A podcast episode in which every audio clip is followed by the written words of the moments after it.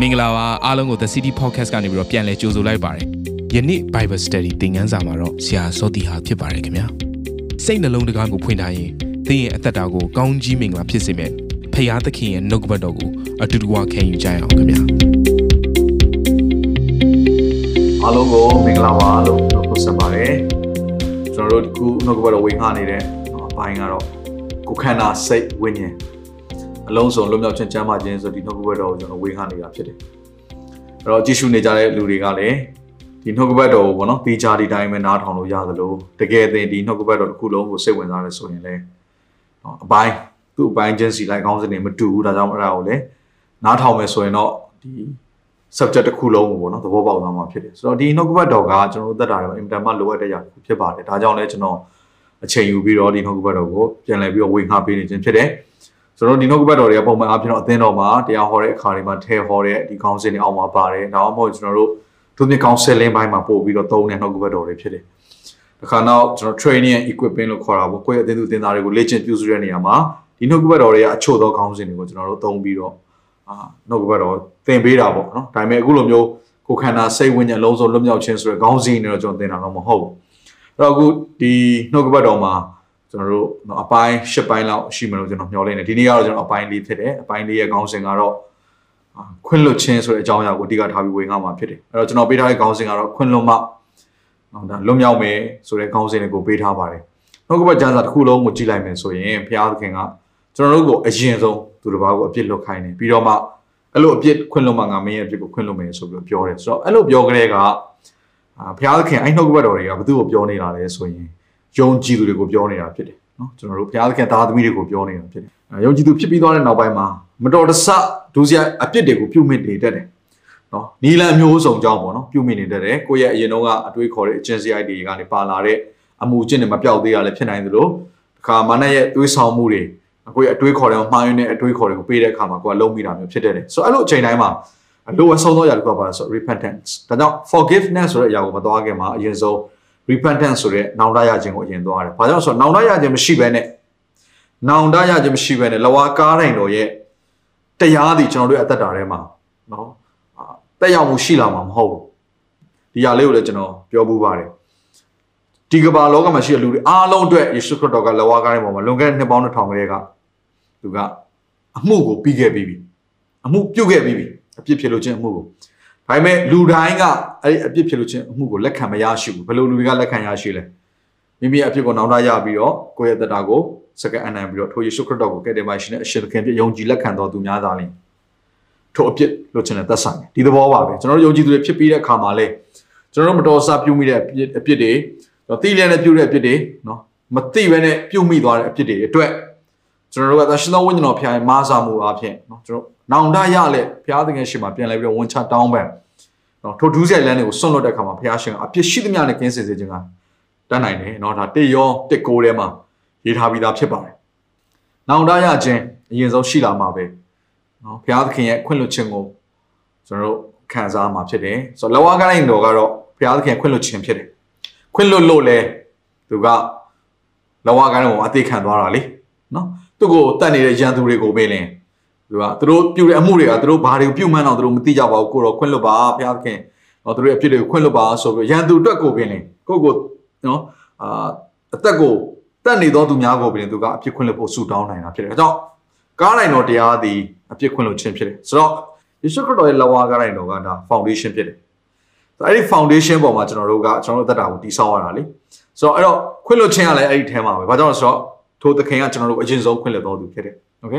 အဲခွင့်လွှတ်ခြင်းကိုရပြီးသွားပြီဆိုရင်ကျွန်တော်တို့ရဲ့အသက်တာထဲမှာကြုံလာတဲ့ခွင့်မလွှတ်နိုင်တဲ့ကိစ္စတွေကိုဘုရားသခင်ဒီဒီချိန်ကျတော့ဘာလုပ်ခိုင်းလဲဆိုငါမင်းရဲ့အပြစ်ကိုခွင့်လွှတ်တယ်ဒါကြောင့်မလို့မင်းသူတစ်ပါးရဲ့အပြစ်ကိုခွင့်လွှတ်ဒါဆိုရင်မင်းပြုခဲ့တဲ့အပြစ်တွေကိုလည်းငါကခွင့်လွှတ်မယ်ဆိုရဲအဲ့ဒီအပြစ်ခွင့်လွှတ်ခြင်းမှာသူကဒီအင်္ဂလိပ်စကားလုံးလေးရှိတယ် portion ဆိုရဲကိုအပြစ်ခွင့်လွှတ်နိုင်တဲ့ပမာဏအတိုင်းကိုပြန်ပြီးတော့ခွင့်လွှတ်တဲ့သဘောမျိုးကျွန်တော်တွေ့ရတယ်เนาะဒါဘယ်ထဲမှာတွေ့ရလဲဆိုရင် lost prayer ပထနာတော့ ဆူတောင်းချက်ထဲမှာနော်ကျွန်တော်ဒီသူတစ်ပါးရဲ့အပြစ်ကိုဖြေလို့တကယ်တော့ကျွန်တော်ဒီအပြစ်ကိုလည်းကိုတော့ဖြေလို့တော်မူပါဆိုတော့ကိုကဖြေလို့တယ်လို့ဘုရားကဖြေလွတ်တာဆိုတော့နော်ကိုရဲ့ဖြေလွတ်နိုင်တဲ့အတိုင်းကိုရဲ့အသက်တာမှာအပြစ်ဖြေလို့ခြင်းကိုခံစားရတယ်ဆိုတော့ဒါလေးကလှုပ်ဝှက်ချက်တစ်ခုလည်းဖြစ်တယ်အာတမန်ကရှန်ကကြော်သွားတဲ့ကိစ္စတစ်ခုလည်းဖြစ်တယ်ဒါပေမဲ့အရန်အရေးကြီးတဲ့ကိစ္စဖြစ်ကျွန်တော်ကျမ်းပိုက်လေးနဲ့ဒီဟာလေးကိုကျွန်တော်သွားချင်ပါတယ်အဲ့တော့လူကာခန်းကြီး6ငယ်39မှာသူတို့ဘာဤအမှု၌စစ်ကြောဆုံးဖြတ်ခြင်းကိုမပြုကြနှင့် မပြုလင်သင်တို့သည်စစ်ကြောဆုံးဖြတ်ခြင်းနှင့်ကင်းလွတ်ကြလိမ့်မည်သူတို့ဘာကိုအပြစ်မစီရင်ကြနှင့်မစီရင်လင်သင်တို့သည်အပြစ်စီရင်ခြင်းနှင့်ကင်းလွတ်ကြလိမ့်မည်သူအပြစ်ကိုလွတ်ကြလော့လွတ်လျင်ကိုအပြစ်ကိုလွတ်လိမ့်မည်ဆိုတော့အမှဘုရားသခင်ရဲ့ကျွန်တော်တို့ရဲ့ပြီးတော့သူတို့ဘာဆိုတဲ့အရာရှိတယ်နော်၃ယောက်ကိုတွေ့ရလိမ့်မယ်ပုဂ္ဂိုလ်၃ယောက်အဲ့တော့ဒီဆက်သွယ်ရေးရပြောမယ်ဆိုရင် vertical အပေါ်အောက်ဆက်ဆံရေးเนาะဒါတော့ဘုရားသခင်နဲ့ကိုယ်နဲ့ကြားပြီးရင် horizontal လို့ပြောတဲ့ရေပြင်ညီပေါ့ကိုနဲ့ကိုပတ်ဝန်းကျင်မှာရှိတဲ့လူတွေရဲ့ဆက်ဆံရေး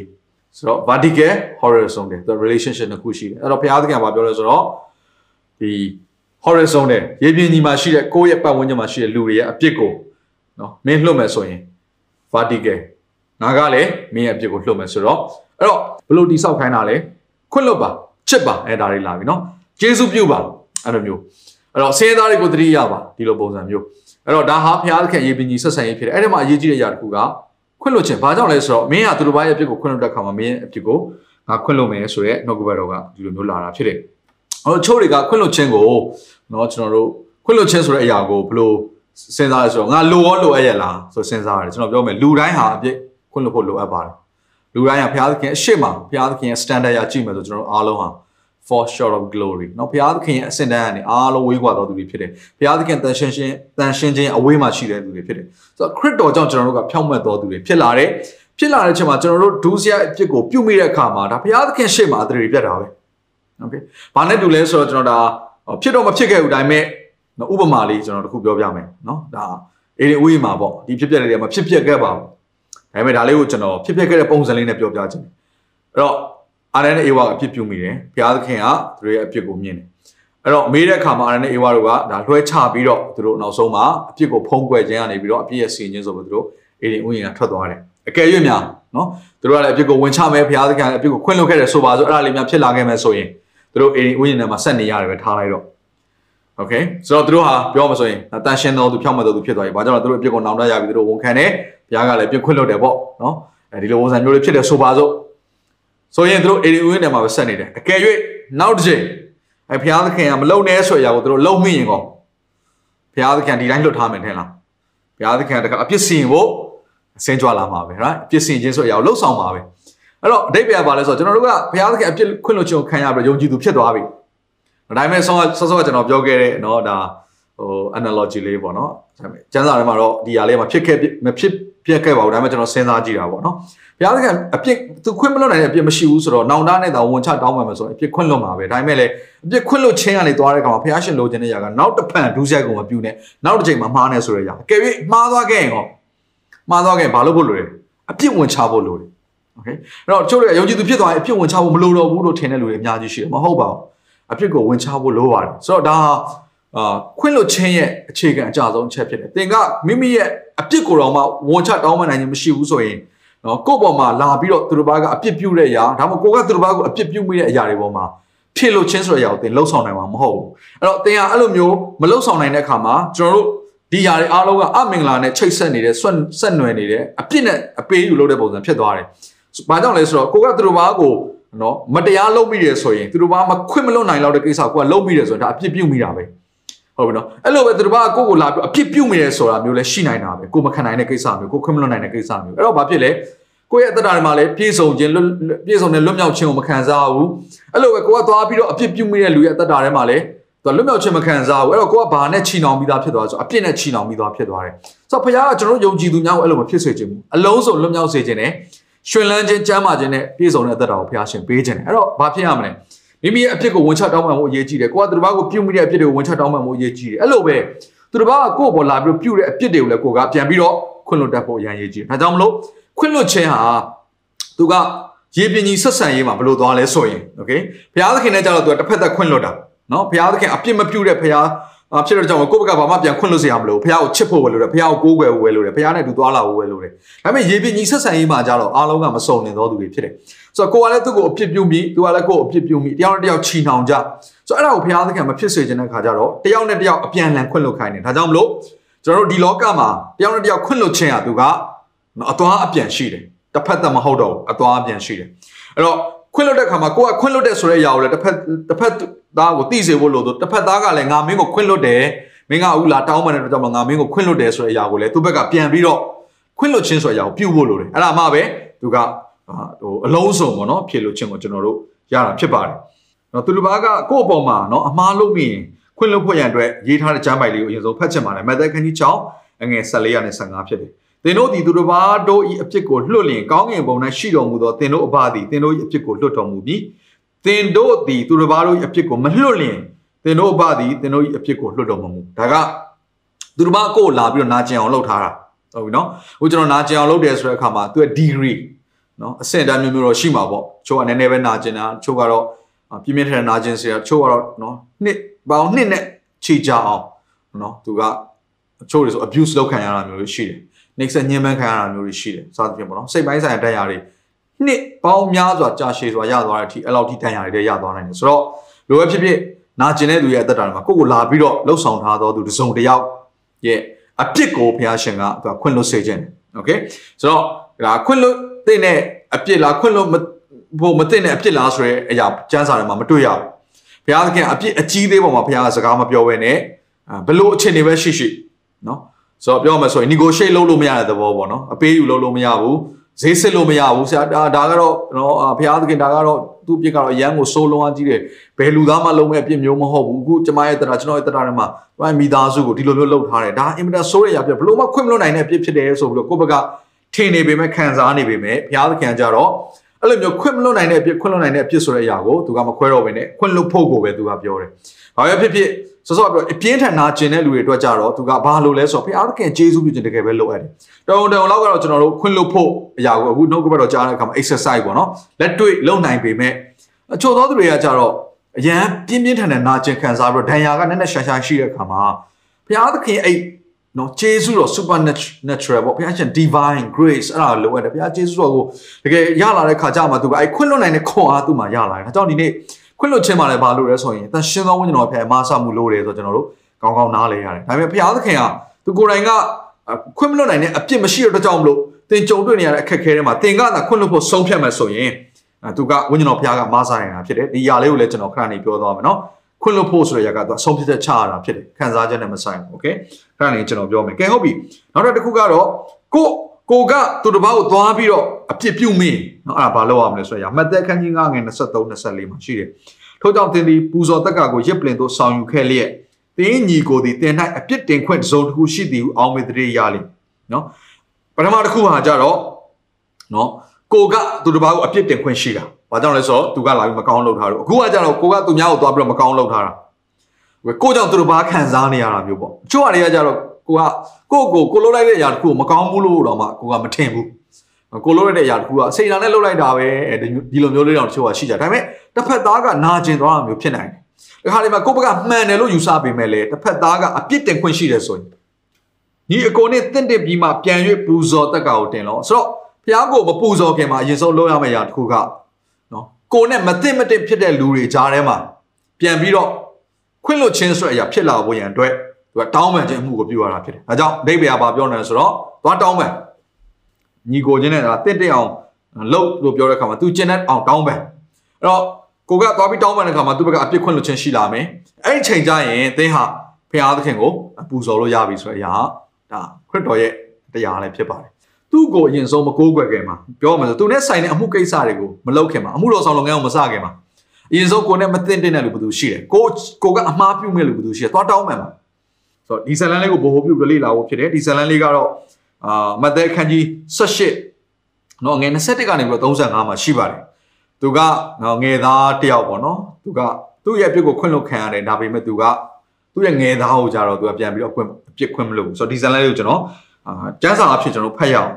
ထိုအခါပေတျုသည်ချင်းကပ်၍သခင်ညီကိုသည်ကျွန်ုပ်ကိုပြင်မာ၍ကျွန်ုပ်သည်သူရဲ့ဖြစ်ကိုဘယ်နှကြိမ်လွတ်ရပါအန်နီခုနှစ်ကြိမ်မြောက်အောင်လွတ်ရပါ လွတ်ရပါအန်လောဟုမေးလျှောက်တော့ယေရှုကခုနှစ်ကြိမ်မြောက်အောင်လွတ်ရမည်ငါမဆိုအကြိမ်80ခုနှစ်လီမြောက်အောင်လွတ်ရမည်ငါဆို၏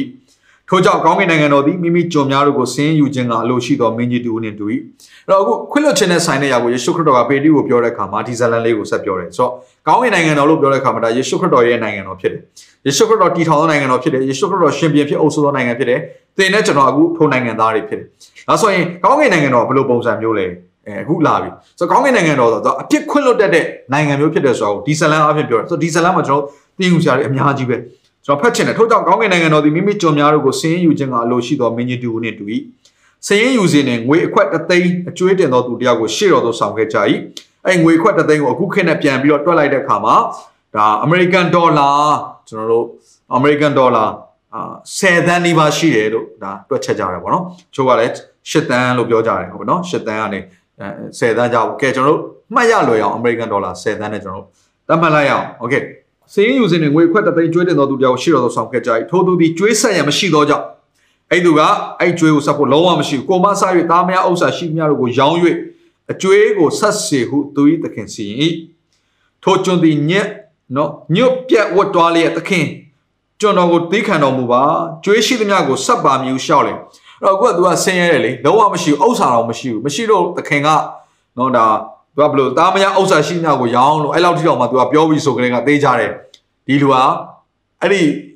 နော်ဟိုအမေရိကန်ဒေါ်လာ10တန်းကိုပေးစရာတပြားမှမရှိဘူး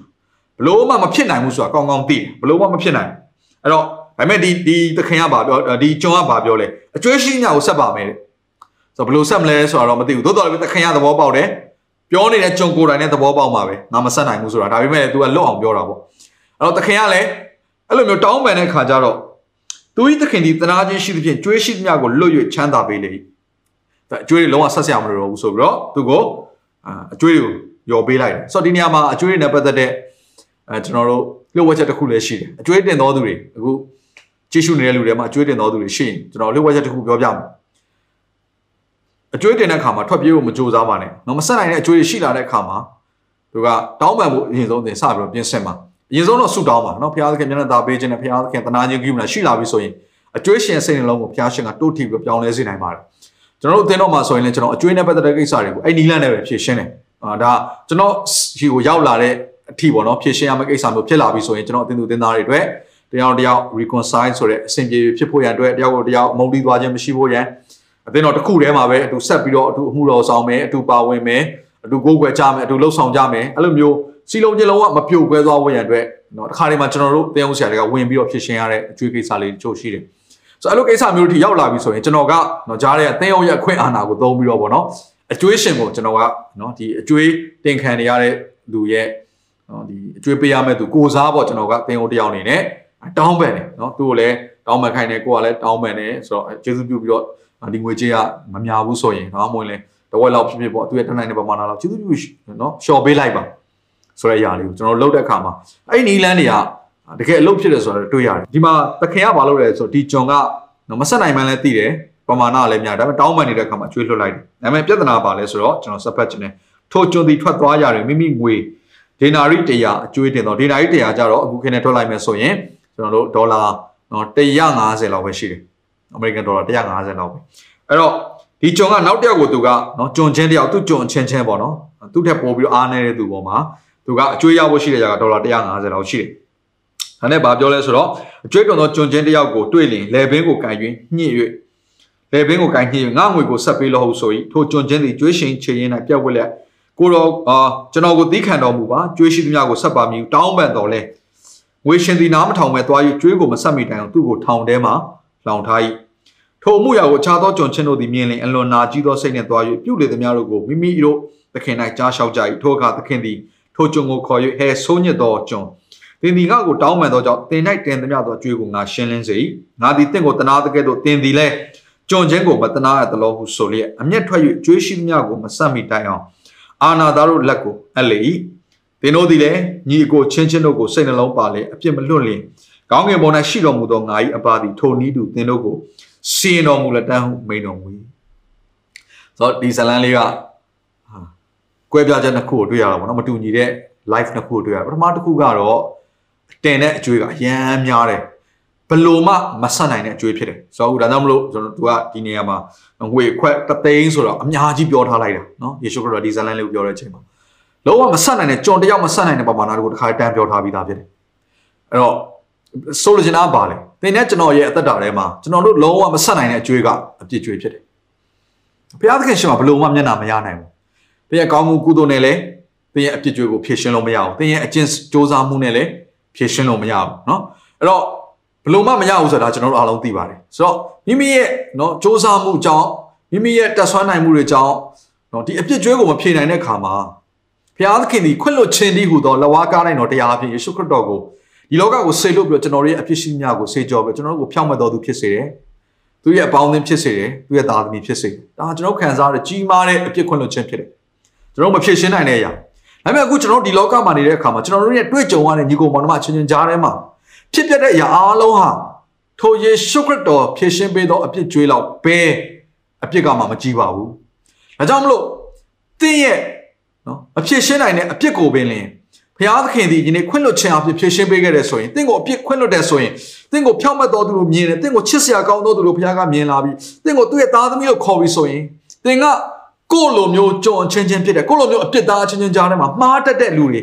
နော်စကားအဖြစ်မှားတတ်မယ်အမှုချင်းအဖြစ်မှားတတ်မယ်ချို့တွေဟာရည်ရွယ်ချက်ရှိရှိလိမ်လေတယ်လှည့်စားလှည့်စားတာဖြစ်နိုင်တယ်ကိုယ့်ကိုအပြစ်ပြူတာဖြစ်နိုင်တယ်ကိုယ့်ကိုဆဲရေးတာတိုင်းထွာတာဖြစ်နိုင်တယ်ဒီလိုလူတွေရဲ့အဖြစ်ကိုဘာကြောင့်ကျွန်တော်တို့ခွင့်မလို့နိုင်ကြရလဲဆိုတော့မိကုန်းက ကျွန်တော်တို့ခရိယန်တွေအားလုံးအတွက်ကြီးမားတဲ့မိကုန်းဖြစ်ပါတယ်ဆိုတော့ဘုရားကဘာပြောလဲဆိုတော့ဒီဇလန်လေးတိုင်းပဲငါဟာတဲ့မင်းရဲ့အပြစ်ရှိမြောင်ငါလွတ်တယ်မဟုတ်ဘူးလားတဲ့ဒါဆိုရင်မင်းဟာမင်းတို့ကြုံချင်းချင်းအပြစ်ကိုမလွတ်သင့်ဘူးလားဆိုတော့နော်ငါဒီတင့်ကိုတနာတကယ်တော့တင်ဒီလဲကြုံချင်းကိုမတနာအပ်တယ်လို့ဆိုတော့အဲ့တော့သခင်အမျက်ထွက်ပြီးတော့ဘာလုပ်လဲဆိုရင်ဒီတရားစင်မှုကနော်အကျွေးရှိများကိုမဆက်မီတိုင်အောင်အာနာသားတို့လက်ကိုအပ်လေဆိုတော့ကိုယ့်ရဲ့တော့သူတို့ဘာကိုအပြစ်ခွင့်မလို့ခြင်းဟာ နော်ကိုပြုတ်မိတဲ့အပြစ်တွေကိုဘုရားသခင်ရှေ့မှာထင်ထင်ရှားရှားပေါ်လွင်စရာဖြစ်ပြီးတော့ထိုအပြစ်တွေကနေတစ်ဆင့်တက်ရောက်လာတဲ့ຢာကပါလဲဆိုအမင်္ဂလာနဲ့ကြိမ်ချင်းဖြစ်တယ်ကျွန်တော်ရဲ့အသက်တာမှာလွတ်မြောက်ခြင်းလုံးဝမရှိတော့ချောင်းတော်ခြင်းတွေဖြစ်သွားပြီအပြစ်နဲ့ဆိုင်တဲ့အမင်္ဂလာတွေကိုယ့်ရဲ့အသက်တာထဲမှာတက်ရောက်လာပြီဆိုတော့ကျမ်းစာမှာဘယ်လိုလဲဆိုတော့အာနာသားတို့လက်ကိုအပ်တယ်ဆိုအာနာသားတို့ပြောတဲ့စကားမှာဒါအင်္ဂလိပ်လိုပဲပြန်ပြီးတော့ဖတ်မယ်ဆိုရင်သူကနော် torment လို့ခေါ်တယ်ဆိုတော့သူကအာ torture လုပ်တာပေါ့နော် torture လုပ်တဲ့ torture လုပ်တယ်ဆိုတာကသူကနှိပ်စက်ညှင်းပန်းတာကိုပြောနေတာနော်အာနာသားတို့လက်ကိုအဲ့ဒါဆိုအာနာသားတွေကသူကနော်သူတို့ကိုထမင်းကောင်းကျွေးထားတာမဟုတ်ဘူးနော်ဟိုသေချာလေးကောင်းပြုစုပြုစုမဲ့ပုံကိုယ်တွေမဟုတ်ဘူးနှိပ်စက်မဲ့သူတွေဖြစ်တယ်ဆိုတော့ဘာကိုပြောချင်တာလဲဆိုတော့ကျွန်တော်တို့ကသူတို့ဘာပြုကိုခွင့်မလွတ်ဘူးဆိုရင်ကျွန်တော်တို့ရဲ့အသက်တာထဲမှာနော်စိတ်ဒဏ်ရာတွေနော်အနာတွေနဲ့နော်မကြမ်းမာမှုတွေနဲ့စိတ်ဆင်းရဲမှုတွေနဲ့တခါတည်းမအောင်မြင်မှုတွေအမင်္ဂလာတွေနဲ့ဟိုနတ်ဆိုးရဲ့လှုပ်ဆောင်မှုတွေနဲ့ကျွန်တော်တို့ရဲ့အသက်တာမှာပြည့်နေပြီးတော့တခါတည်း ဘုရားသခင်ကျွန်တော်တို့ကိုဖြစ်စေခြင်းတဲ့အသက်တာဖြစ်လာမှာမဟုတ်ဘူးဆိုရရတယ်ကိုနှုတ်ကချမ်းသာကျွန်တော်ကိုတတိပေးနေတာဖြစ်တယ်အာမင်ကဲဆိုတော့ခွင့်မလို့ဘူးဆိုရင်ဘာတွေဖြစ်တယ်လဲဒီဇန်လေးလေးထဲမှာပေါ့နော်ခွင့်ခွင့်မလို့ဘူးဆိုရင်ဘယ်လိုဖြစ်တယ်ခွင့်မလို့ဘူးဆိုရင်ဘုရားသခင်အဲ့ဒီကြုံကိုသူကဘယ်လိုခေါ်လဲဆိုတော့စိုးညစ်တော်ငယ်သားလို့ခေါ်တယ်စိုးညစ်တော်အမှုလို့ဘုရားရှင်မြင်တယ်ခွင့်မလို့ခြင်းကိုကျွန်တော်ပြန်ပြောခြင်းတယ်ခွင့်မလို့ခြင်းကိုတရားနဲ့တရားအပြစ်ခွင့်မလို့ခြင်းကိုဘုရားသခင်ရဲ့အမြင်မှာစိုးညစ်ခြင်းလို့မြင်တယ် โอเคအဲ့တော့နောက်တစ်ခုကဘာလဲဆိုတော့ဘုရားသခင်ကအဲ့ဒီအရာကိုမြင်တဲ့အခါမှာအမျက်ထွက်တယ်နော်ကျမ်းစာမှာပါပြောအမျက်ထွက်တယ်အမျက်ထွက်တယ်ဆိုတော့ဘုရားသခင်အမျက်ကိုနှိုးဆော်တတ်တယ်ခွင့်မလို့ခြင်းဟာနောက်တစ်ခုကတော့ဘာလဲဆိုကျွန်တော်တို့ကိုနှိပ်စက်ညှဉ်းပန်းခြင်းဆိုတဲ့အရာကျွန်တော်တို့အသက်တာထဲမှာရောက်လာတတ်တယ်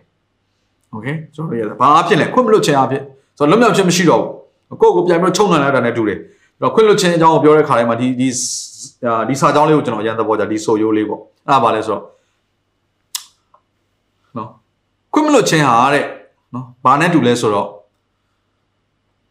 ကိုကအစိတ်ကိုတောက်ထားပြီးတော့ပေမဲ့လူကဆိုတော့ကိုခွင့်မလွတ်တဲ့လူဖြစ်တယ်လို့ထင်နေတာမျိုးနဲ့တူတယ်တဲ့တောက်ထားတာကအစိတ်ကကိုကတောက်ထားတာပေပါကအဲ့တယောက်လို့ကိုကထင်နေတာအဲ့တော့ခွင့်မလွတ်ခြင်းဆိုတာပထမအဆုံးဒုက္ခရောက်တာကိုကဒုက္ခရောက်တာ ဟိုလူကကိုခွင့်လွတ်လားခွင့်မလွတ်လားနော်ကိုကဒေါသထွက်နေလားကိုကသူ့အတွက်သူ့သူ့မကျင်တဲ့နေလားဟိုတယောက်ကသိချင်မှတော့သိမှာနော်ကျုပ်ကိစ္စတွေဆိုနော်ကိုကကိုဘက်ကတစ်ဖက်သက်ခံစားနေရလေနော်ဟိုဘက်ကကိုသိတော့မသိခွင့်လွတ်ခြင်းအားဖြင့်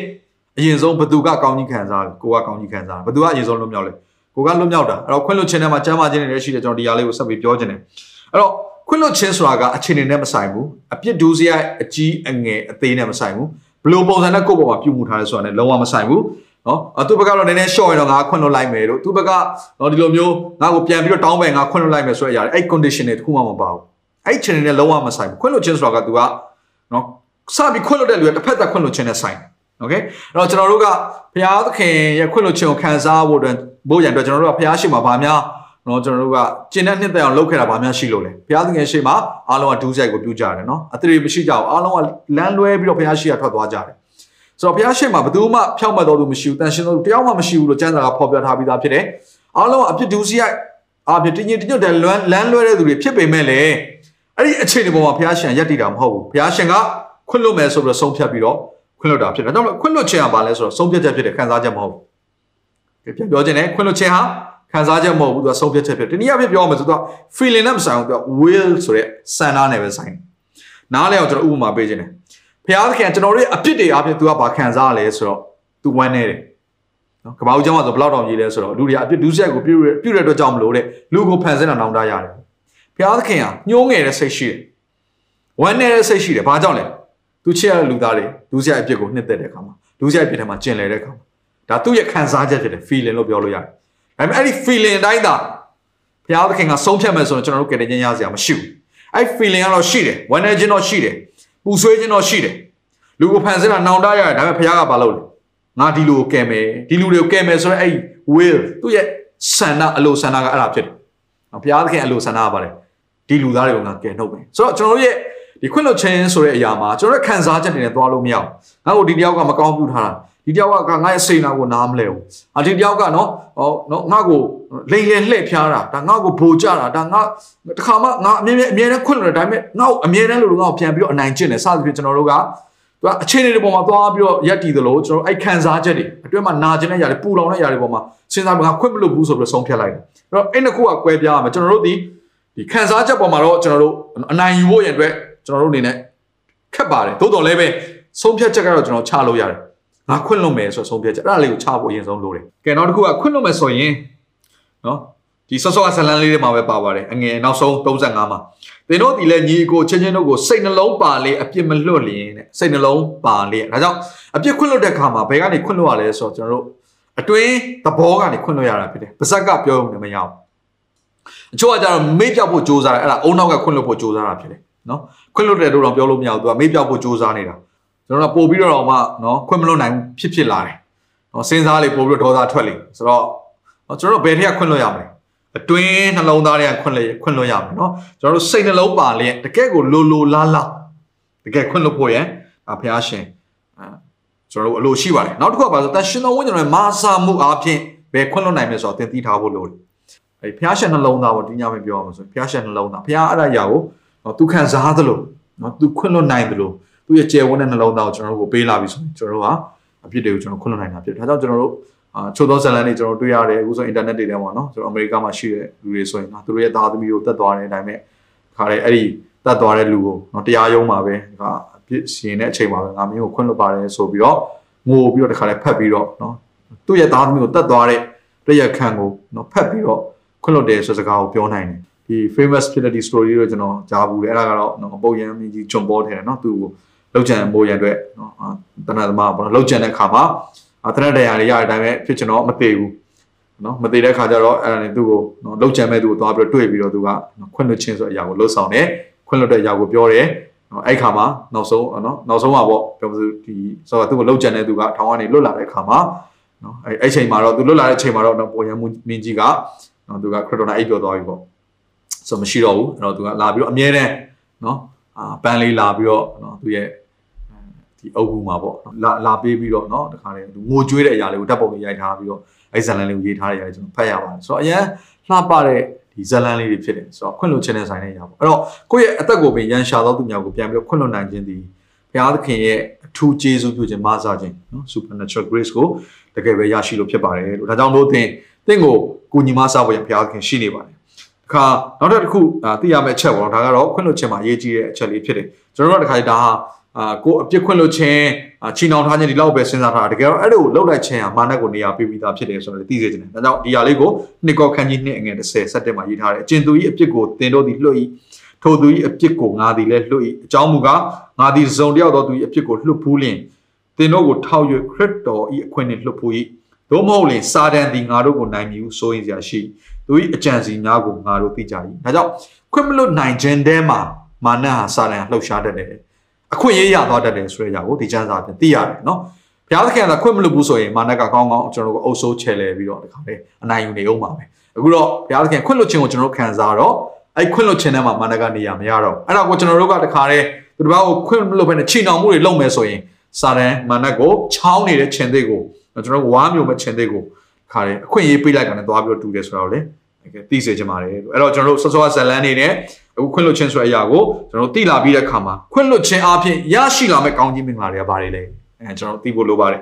ဆိုတော့ခွင့်လွှတ်အာဒါအားလုံးသိပြီးသားလည်းဖြစ်မှာခွင့်လွှတ်ပြီးဆိုရင်တော့ချီနောင်ကြက်နဲ့လွတ်မြောက်တယ်ဆိုတဲ့စကားလေးကိုကျွန်တော်ပြောလို့ရှိတယ်နောက်တစ်ခုအငြိမ်သက်ခြင်းကိုကျွန်တော်တို့ခံစားရတယ်ဟုတ်ပြီနော်အဲ့တော့ပူလောင်ခြင်းတွေမရှိဘူးအငြိမ်သက်ခြင်းကိုခံစားနောက်နောက်တစ်ခုအရေးကြီးတဲ့တစ်ချက်က reconciliation ဆိုတဲ့သူကပြန်လည်ပြီးတော့ပေါင်းစည်းခြင်း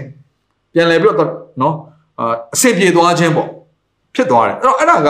ကြည့်လိုက်ရင်တော့ဒါတယောက်တယောက်မချီနှောင်တော့ဘူးလို့ပဲပြောလို့ရပြီမယ်အဲ့ဒီတယောက်တယောက်ခွင့်လွှတ်ထားတဲ့လူနှစ်ယောက်ကပြန်တကယ်ပေါင်းမယ်ဆိုရင်ဒါဟာဇနီးမောင်နဲ့နှစ်ယောက်ကြားထဲမှာလည်းဖြစ်နိုင်တယ်ညီကိုမောင်နှမကြားထဲမှာလည်းဖြစ်နိုင်တယ်အမှုတော်ဆောင်ခြင်းကြားမှာလည်းဖြစ်နိုင်တယ်အသင်းတော်နှစ်ခုကြားမှာလည်းဖြစ်နိုင်တယ်တိုင်းနိုင်ငံတစ်ခုနဲ့တစ်ခုကြားမှာလည်းဖြစ်နိုင်တယ်โอเคဆိုတော့ခွင့်လွှတ်ခြင်းတော့တယောက်တယောက်ခွင့်လွှတ်သွားပြီးတော့အဲ့ခွင့်လွှတ်ခြင်းကတကယ်နှလုံးသားတွေကဖြစ်တယ်အစစ်မှန်ဖြစ်တယ်ဆိုရင်တို့ပြန်ပြီးတော့ပေါင်းနိုင်တယ်ဆိုရင်အဲ့ဒါဘာဖြစ်သွားလဲဆိုတော့ပို့ပြီးတော့ multiplication ဖြစ်သွားတယ် ဘုရားရှင်သဘောတရားအဲ့ဒါဖြစ်တယ်နော်သူကတယောက်တယောက်ပေါင်းဖော်ခြင်းထဲမှာဘုရားရှင်အလုပ်လုပ်ချင်ရှိတာပေါ့အလုပ်လုပ်တဲ့အခါမှာသူ့ရဲ့အစွမ်းတရီသူ့ရဲ့အစွမ်းတရီနှစ်ခုပေါင်းမဟုတ်တော့ဘဲနဲ့အဲ့သူ့ရဲ့အစွမ်းတရီသူ့ရဲ့အစွမ်းတရီပေါင်းခြင်းအပြင်သူတို့နှစ်ယောက်ထက်ပိုပြီးအစွမ်းတရီထက်ပိုတဲ့အခြားသောအရာတွေတိုးပွားခြင်းတွေကိုဘုရားရှင်ကပေးတယ်ဒါကြောင့်ခွင့်လွတ်ခြင်းထဲမှာဘာလဲဘာကောင်းကြီးမင်္ဂလာကိုလည်းဘုရားကမြှုပ်ထားလဲဆိုတော့ဘာရှိနေလဲဆိုတော့သူကတိုးပွားခြင်း multiplication ဆိုတာရှိနေတယ်ဒါဆိုသူ့ရဲ့ပြောင်းပြန်စဉ်းစားကြည့်လိုက်ခွင့်မလွတ်ဘူးဆိုရင်ဘာတွေရှိနေမလဲ ဆုပ်ယုပ်ခြင်းပဲရှိနေလိမ့်မယ်ခန်းချောက်ခြင်းတွေပဲရှိလိမ့်မယ်နော်ကိုယ်မှရှိအစွမ်းတက်တီတွေပဲပြန်ပြီးတော့ကုန်ခန်းသွားခြင်းဆိုတဲ့အရာကိုကြုံရနိုင်တယ်အဲကဲအခုတော့ကျွန်တော်ကောင်းကြီးမင်္ဂလာကြီးပြောနေတာโอเคအဲ့တော့ကျွန်တော်တို့ဘာရမလဲအဲပြန်ပြီးတော့အဆင်ပြေခြင်းဆိုတဲ့အရာမှာနောက်တစ်ခုကဘာလဲဆိုတော့ physical healing ကိုလည်းကျွန်တော်တို့ရနိုင်တယ်โอเค physical healing အဲ့တော့ယာကုပ်ခန်းကြီး9ငယ်14 16မှာ14ရက်နဲ့16မှာဘယ်လိုရေးထားလဲဆိုတော့နာတော်သူရှင်းလင်သင်းအုပ်တို့ခေါ်၍သူတို့သည်သခင်ဖျား၏နာမတော်ကိုအမိပြုလျက်လူနာကိုစီနှင့်လူ၍သူ့အပေါ်မှာဆူတောင်းကြစေ ထို့သောပြုလင်ယုံကြည်ခြင်းပထနာသည်လူနာကိုကယ်ဆယ်၍သခင်ဖျားသည်သူ့ကိုထမြောက်စေတော်မူမည်သူသည်အပြစ်ပြုမိတော်လဲထိုအပြစ်ကိုလွတ်တော်မူမည်အချင်းချင်းတယောက်နဲ့တယောက်ကိုအပြစ်ကိုဖော်ပြတောင်းပန်ကြလော့ချမ်းသာရမည်အကြောင်းအချင်းချင်းတို့ဖို့ဆုတောင်းကြလော့သူတော်ကောင်းဆုတောင်း၍အရှင်ကြီးသောပထနာသည်အလွန်တကောပါ၏အဲကြောင့်ဒီကျမ်းစာထဲမှာရေးထားတဲ့ຢာကတော့နော်ကျမ်းမာခြင်းကိုသူအဓိကရေးထားတာနားတဲ့လူတစ်စုံတစ်ယောက်ရှိရဆိုရင်နော်အသင်းအုပ်တို့ကိုခေါ်ပြီးတော့ခါ သူတို့ကသခင်ဖခင်ရဲ့နာမကိုအမိပြုပြီးတော့လူနာကိုစီနဲ့လူးပြီးတော့လိမ့်ပြီးတော့သူတို့ကိုဆူတောင်းပါအဲ့တော့ဆူတောင်းမယ်ဆိုရင်နော်ဒါယုံကြည်ခြင်းသူတို့ကောင်းဆူတောင်းရဲ့အရှင်ကြီးသောပထနာအလုံးတကိုးပါကြီးဆိုတဲ့အရာပေါ့ယုံကြည်ခြင်းရဲ့ပထနာပထနာဒီလူနာကိုကယ်ဆယ်မယ်ဖခင်ကလည်းသူ့ကိုဒီမကြမ်းမာခြင်းနဲ့ထမြောက်စေမယ်သူဟာအပြစ်ကြောင့်ခံရတဲ့ယောဂဖြစ်ရင်တော့ပါတဲ့အဲ့ဒီအပြစ်ကိုသူလွှတ်မယ်တဲ့ဆိုတော့ဒါပေမဲ့သူ့ရဲ့အရာတစ်ခုလုံးအတိကပြောသွားတယ်အပြစ်လွတ်မယ်ဆိုတဲ့အရာကဘယ်အရာလေးလဲဆိုတော့တယောက်နဲ့တယောက်ကိုအပြစ်တွေကိုဖော်ပြတောင်းပန်ပါ ဆိုတော့ဒီခါဒီမှာချို့တော့မကြမ်းမာခြင်းတွေအနာရောဂါတွေကဘယ်ကလာတတ်လဲဆိုတော့ချီနှောင်ခြင်းတွေကလာတတ်တယ်ခွင့်မလွတ်နိုင်ခြင်းတွေကလာတတ်တယ်ချို့တော့သူတွေကိုယ့်ရဲ့မိဘကိုခွင့်မလွတ်ကြဘူးချို့တော့သူတွေကကိုယ့်ရဲ့ဘိုးဘေးတွေကိုခွင့်မလွတ်ကြဘူးအချို့တော့သူတွေကကိုယ့်ရဲ့တငယ်ချင်းမိတ်ဆွေတွေကိုခွင့်မလွတ်ကြဘူးချို့တော့သူတွေကကိုယ့်ရဲ့နော်အသေးအုပ်ဆရာတွေကိုယ့်ရဲ့အမှုတော်ဆောင်ဆရာဆရာမတွေကိုခွင့်မလွတ်ကြလူတွေရှိတယ်ချို့တော့သူတွေကကိုယ့်ကိုခွင့်မလွတ်ကြဘူးဆိုတော့ချီနှောင်ခြင်းကအရင်ထူးဆန်းတယ်နော်မျိုးစုံပဲနောက်ဆုံးကိုယ့်ကိုယ်တော့ခွင့်မလွတ်နိုင်ဘူးငါဘာကြောင့်ဒီဒီလိုလုံးမိတာလဲ ငါကိုကအတုံးမကြတာငါကိုကနော်မှားတာစသဖြင့်ကိုယ့်ကိုပြန်ပြီးတော့ blame လုပ်တာပေါ့နော်လုပ်လာတဲ့ခါမှာနောက်ဆုံးကိုယ်မှာတန်ဖိုးထားစရာဘယ်သူမှမရှိတော့ဘူးနော်ကိုယ့်ကိုယ်တော့မှတန်ဖိုးမထားမှတော့ဘေးကလူတွေမချစ်နိုင်တော့ဘူးနောက်ဆုံးမှာသူ့ရဲ့လမ်းဆုံးကပါလေကိုယ့်ကိုကိုယ့်ကိုခွင့်မလွတ်နိုင်ကြလမ်းဆုံးကမိမိကိုယ့်ကိုတတ်သိလာခြင်းဖြစ်တယ်။ဘာကြောင့်လဲဆိုတော့ကိုယ်ကိုယ်တိုင်ကတန်ဖိုးမရှိဘူးလို့သူကသူ့အတွေ့ထဲမှာ ခံယူလိုက်တဲ့အတွက်ကြောင့်မဖြစ်တယ်။ဒါကြောင့်မလို့နော်တယောက်တစ်ယောက်အပြစ်တွေကိုဝန်ချတောင်းပန်ဖို့ရည်ကြီးတယ်။နောက်တစ်ခုကအပြစ်ခွင့်လွတ်ခြင်းထဲမှာကိုယ့်ကိုယ်လည်းခွင့်လွတ်ဖို့လိုတယ်။အဲ့တော့ဘုရားသခင်အပြစ်ခွင့်လွတ်ခြင်းကျွန်တော်ခံယူဖို့လိုတယ်။တယောက်နဲ့တယောက်အပြစ်ခွင့်လွတ်ဖို့လိုတယ်။နောက်ဆုံးတစ်ခုကတော့မိမိကိုယ်ကိုယ်လည်းအပြစ်ခွင့်လွတ်ဖို့လိုတယ်။အဲ့တော့ခွင့်လွတ်ခြင်းအပြင်နော်နောက်ထပ်တစ်ခုကနောက်ထပ်ရရှိနိုင်တဲ့ကောင်းကြီးတစ်ခုကဘာလဲဆိုရင်ကိုဆုတောင်းတဲ့ဆုတောင်းချက်အဖြေရတယ်။ကဲတင်းရဲ့ဆုတောင်းချက်တွေကဘာတွေလဲတင်းရဲ့ဆုတောင်းချက်ကိုအဖြေရခြင်းနဲ့ဆိုရင်ဘုရားရှင်လောက်ခိုင်းနေရက အပြစ်ခွင့်လွတ်ခြင်းဖြစ်တယ်မာကုခန်းကြီး7အငယ်25ကနေ26မှာရှိပါတယ်ထို့ကြောင့်ငါဆိုသည်ကသင်တို့သည်ဆုကျေးဇူးကိုရမည်ဟုယုံကြည်သောစိတ်နှင့်ဆုတောင်းသမျှတို့ကိုရကြလိမ့်မည်သင်တို့သည်ဆုတောင်းသောအခါသူတို့ဘာ၌အပြစ်တင်ခွင့်ရှိလျင်သူအပြစ်ကိုလွတ်ကြတော့ဒါကြောင့်အရင်ဆုံးဆုမတောင်းခင်မှာဘာလုပ်တင်လဲဆိုတော့အပြစ်ခွင့်လွတ်ခြင်းဆိုအရာကိုအရင်ဆုံးလုပ်တင်တယ်အနည်းဆုံးတော့ဘုရားကိုကျေးဇူးတော်ချီးမွမ်းပြီးသွားတဲ့အခါမှာမိမိရဲ့တက်တော်ဆင်ကျင်ပြီးတော့ဇုံတယောက်ကိုချီနှောင်ထားတယ်ဒါမှမဟုတ် တယောက်ယောက်ကကိုယ့်ကိုလာအပြစ်ပြုမိထားတဲ့အရာကိုခံစားနေရတယ်ဆိုရင်ဘုရားရှင်သူရဲ့အပြစ်ကိုခွင့်လွတ်ပါတယ်ဆိုပြီးနှုတ်ရှာဆိုဖွင့်ပြီးတော့ဘုရားရှင်မှာအပြစ်ခွင့်လွတ်ခြင်းကိုနှလုံးသားထဲကနေပြီးတော့စိတ်ပါလက်ပါပြုဖို့အရန်ကြီးကြီးတယ်အခုလိုမျိုးနော်အခု online ကနေပြီးတော့ကျွန်တော်တို့နှုတ်ကပတ်တော်တွေဟောနော်အခု COVID-19 ဖြစ်တဲ့အချိန်တွေမှာဆိုရင်ခရိယန်တွေအရင်အစဲခံရတယ်နော်အစဲခံရတဲ့အချိန်မှာလည်းခရိယန်တွေကလည်းယုံကြည်ခြင်းနည်းနည်းမှမလျော့ပဲနဲ့တခါ online တွေမှာတင်ကြရတယ်ထပ်ပြီးတော့တင်ကြပြန်အောင်ဆိုတော့အစဲကနောက်ထပ် နှစ်ထပ်ကွမ်းဖြစ်သွားတာပေါ့နော် multiplication တွေဖြစ်သွားတယ်ပို့ပြီးတော့ဆဲစရာပို့ပြီးတော့အချက်လက်တွေပို့ပေါ်လာတာပေါ့နော်ဟာသူကဆဲကိုကတင်သူကဆဲကိုကတင်တဲ့တခါတည်းနောက်ဆုံးကြတော့ဒါဒေါသအတွက်မခံနိုင်တော့တယောက်တယောက်တစ်ခါပြန်ဆဲကျွန်တော်လည်းဒီလိုမျိုးပေါ့နော်တရင်တချို့ဖတ်ရင်းနဲ့ခါပြန်ပြီးတော့ဆဲတဲ့ခရစ်ယာန်တွေတော့တွေ့ရတယ်နာမည်ရတဲ့ခါနော်ခရစ်ယာန်နာမည်တွေပဲနော်ဒေးဗစ်တို့ပီတာတို့ဒီလိုဒီလိုပုံစံမျိုးခရစ်ယာန်နာမည်တွေနဲ့တခါတည်းအားရပါရဆဲတာနော်အကောင့်တူအကောင့်တူတွေဖြစ်ကောင်းဖြစ်နိုင်ပါတယ်အကောင့်တူဆိုတာကနော် ဒီလိုမျိုးတချို့တွေကလည်းခရစ်ယာန်ဟန်ဆောင်ပြီးတော့ပေါ့နော်တခါတည်းရန်တိုက်လို့ရအောင်ခရစ်ယာန်နာမည်ကိုနာမည်ယူပြီးတော့အကောင့်တွေဖွင့်ပြီးတော့တခါတည်းပြန်ပြီးတော့ခရီးယန်မဟုတ်ဖဲနဲ့သူကခရီးယန်ပုံစံမျိုးနဲ့ပြန်ပြီးတော့ဆဲပေါ့ဒါမျိုးလည်းအများကြီးရှိတယ်ဒါကြောင့်မလို့တော့ကျွန်တော်တို့ online မှာဒီ social media ကိုသုံးတဲ့အခါမျိုးမှာကျွန်တော်တို့ဘုရားသခင်ဉာဏ်ပညာရဖို့လိုတယ်နောက်တစ်ခုကဘုရားသခင်နှလုံးသားရှိဖို့လိုတယ်ဘုရားသခင်မြင်တဲ့အမြင်ရှိဖို့လိုတယ်မဟုတ်ရင်တော့ကျွန်တော်သွားပြီးတော့သူတို့ပြောသမျှခံစားနိုင်မယ်ဆိုရင်တော့တစ်ခါမှထောင်းချောက်ထဲကိုရောက်ရောက်သွားနိုင်တယ်မာနက်ကိုအခွင့်ပေးပြီးစရာအကြောင်းရှိတယ်အဲ့တော့ဒီချမ်းသာရဆိုရင်ဘာပြောလဲဆိုတော့ နော်ကျွန်တော်တို့ကဆုတောင်းတဲ့ခါမှာသူတို့ဘာရဲ့အဖြစ်ကိုခွင့်လွတ်ပါဆိုတော့အခုကျွန်တော်တို့ဟိုဆဲနေတဲ့လူတွေအဖြစ်ကိုခွင့်လွတ်ဖို့လိုတယ်နော်ကျွန်တော်တို့မှန်နေအောင်တော့ကျွန်တော်ပြောပြမယ်နော်ငါငါမှန်ရဲ့သားလည်းငါ့ကိုလာဆဲနေတယ်ခွင့်လွှတ်ရမယ်အော်တင်းမှားမှားမှန်မယ်ဘသူကပဲတင်းကိုလာပြီးတော့အဖြစ်ပြုမိပြုမိထိုအဖြစ်ကိုခွင့်လွှတ်ပါလို့ဘုရားသခင်ကနော်ပြောထားပြီးသားဖြစ်တဲ့ condition တွေကိုဘုရားရှင်ကမပြောဘူးသူတို့ကမင်းမှန်ရဲ့သားလည်းသူတို့ကလာပြောရဲဆိုတော့ခွင့်မလွှတ်နဲ့လို့ဘုရားမပြောဘူးနော်ဘလို့ဘလို့အဖြစ်မျိုးဖြစ်ပါစေ ဘသူပဲဖြစ်ပါစေဘလို့အခြေအနေမှာပဲဖြစ်ပါစေအပြစ်ပြုမိရဆိုထိုအဖြစ်ကိုခွင့်လွှတ်ဖို့ဘုရားရှင်လိုရှိတယ်သင်တို့ဒီသူ့အဖြစ်ကိုမလွတ်လင်ကောင်းကင်ဘုံ၌ရှိတော်မူသောသင်တို့အပါသည်သင်တို့၏အဖြစ်ကိုလွတ်တော်မမူဟုမိန်တော်မူ၏။အဲကြောင့်အဖြစ်ရသောဆုတောင်းခြင်းနဲ့အဖြစ်ခွင့်လွှတ်ခြင်းဓာတ်ရိုက်ချိတ်ဆက်နေလို့ဆိုရတော့ဒီကျမ်းစာထဲမှာတွေ့ရတယ်။သင်တို့ဒီဆုတောင်းသောအခါသူတို့ဘာ၌အဖြစ်တင်ခွင့်ရှိရင်သူတို့၏အဖြစ်ကိုလွတ်ကြလော့လွတ်လင်ကောင်းကင်ဘုံ၌ရှိတော်မူသောသင်တို့အပါသည်သင်တို့၏အဖြစ်ကိုလွတ်တော်မူပြီ။ဒါကြောင့်ဘုရားရှင်ရဲ့ ခွင့်လွှတ်ခြင်းနဲ့မျက်နှာသာပေးခြင်းကိုသင်ရခြင်းနဲ့ဆုတည့်ရဆုတောင်းချက်တဲ့အဖြစ်ရခြင်းနဲ့ဆိုရင်အရင်ဆုံးနော်အပြစ်ခွင့်လွှတ်ခြင်းကိုလုပ်ပါကိုယ့်ရဲ့တရားကိုပြန်ပြီးတော့စဉ်းစားပါငါသူတစ်ပါးကိုချီနှောင်ထားတာဘာတွေရှိတယ်မကျင်တတ်တာဘာတွေရှိတယ်ကိုမိဘတွေကိုရှိတယ်ဆိုရင်လည်းဆိုရရမိဘတွေကိုရှိတယ်ဘာမှမဟုတ်တဲ့ကိစ္စလေးတွေရှိတယ်နော်အဲ့တော့အဲ့ဒါကိုပြောပြဖို့လိုတယ်အဲ့ဒါလေးနော်အဲ့အဲ့လိုမျိုးခံစားမိတယ်အဲ့လိုမျိုးနော်စိတ်မကောင်းဖြစ်မိတယ်မကြိုက်ဘူးဒါကြောင့်မလို့နော်ချီနှောင်ခဲ့မိတယ်ပေါ့နော်ဆိုတော့ဒါအဖေမေကိုလည်းပြောလို့ရတယ် နော်အများကြီးပါပဲနော်ကိုယ့်ရဲ့ပတ်ဝန်းကျင်မှာရှိတဲ့လူတွေအဓိကတော့ကိုယ့်ကိုစမ်းစစ်ဖို့ဖြစ်ပါတယ်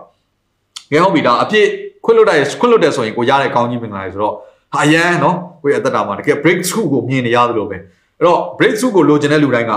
ဒီ process ကိုသွားကိုသွားရမယ်ဒီຢာကိုလုပ်ကိုလုပ်ဖို့လိုတယ်ကြတော့ဆိုအပြစ်ခွင့်မလို့ရင်ကောနော်ဘာတွေဖြစ်လာမလဲဆရာကြီးဆရာကတော့နှုတ်ဘက်တော့ဟောပြီမဲ့ဆရာမသိဘူးနော်ကျွန်တော်ခံစားရတဲ့အရာ ကျွန်မခံစားရတဲ့အရာအရန်အထက်မှာပူလောင်ပြီးဆရာမသိဘူးနော်သူပြုထားတဲ့အရာအရန်ဆိုးတယ်နော်ကဲဆိုတော့တင်ကလုံးဝခွင့်မလို့နိုင်ဘူးဆိုပါဆိုတင်တဲ့တိုင်းမှာဘာတွေဖြစ်လာနိုင်တယ်နံပါတ်1ချက်စောစောကလည်းဇလန်ထဲမှာရှိခဲ့ပြီဘုရားရဲ့အမျက်ကိုနှိုးဆော်မိတယ်။ဘာကြောင့်လဲ။တင်းရဲ့အပြစ်ကလည်းအရန်ကြီးခဲ့တယ်လေ။ဘယ်သူရှိမှလဲ။ဘုရားရဲ့ရှိမှ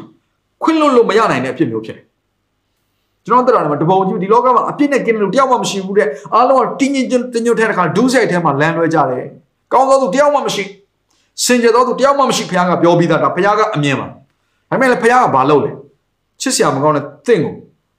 အပြစ်တွေအားလုံးခွင့်လွတ်ပြီးတော့သူ့ရဲ့သားသူ့ရဲ့သမီးလို့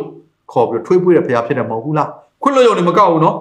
ထွေးပွေးနိုင်တဲ့ဖရားဖြစ်တယ်အဲ့ဒါအပြင်ကောင်းကြီးပေးနိုင်တဲ့ဖရားဖြစ်တယ်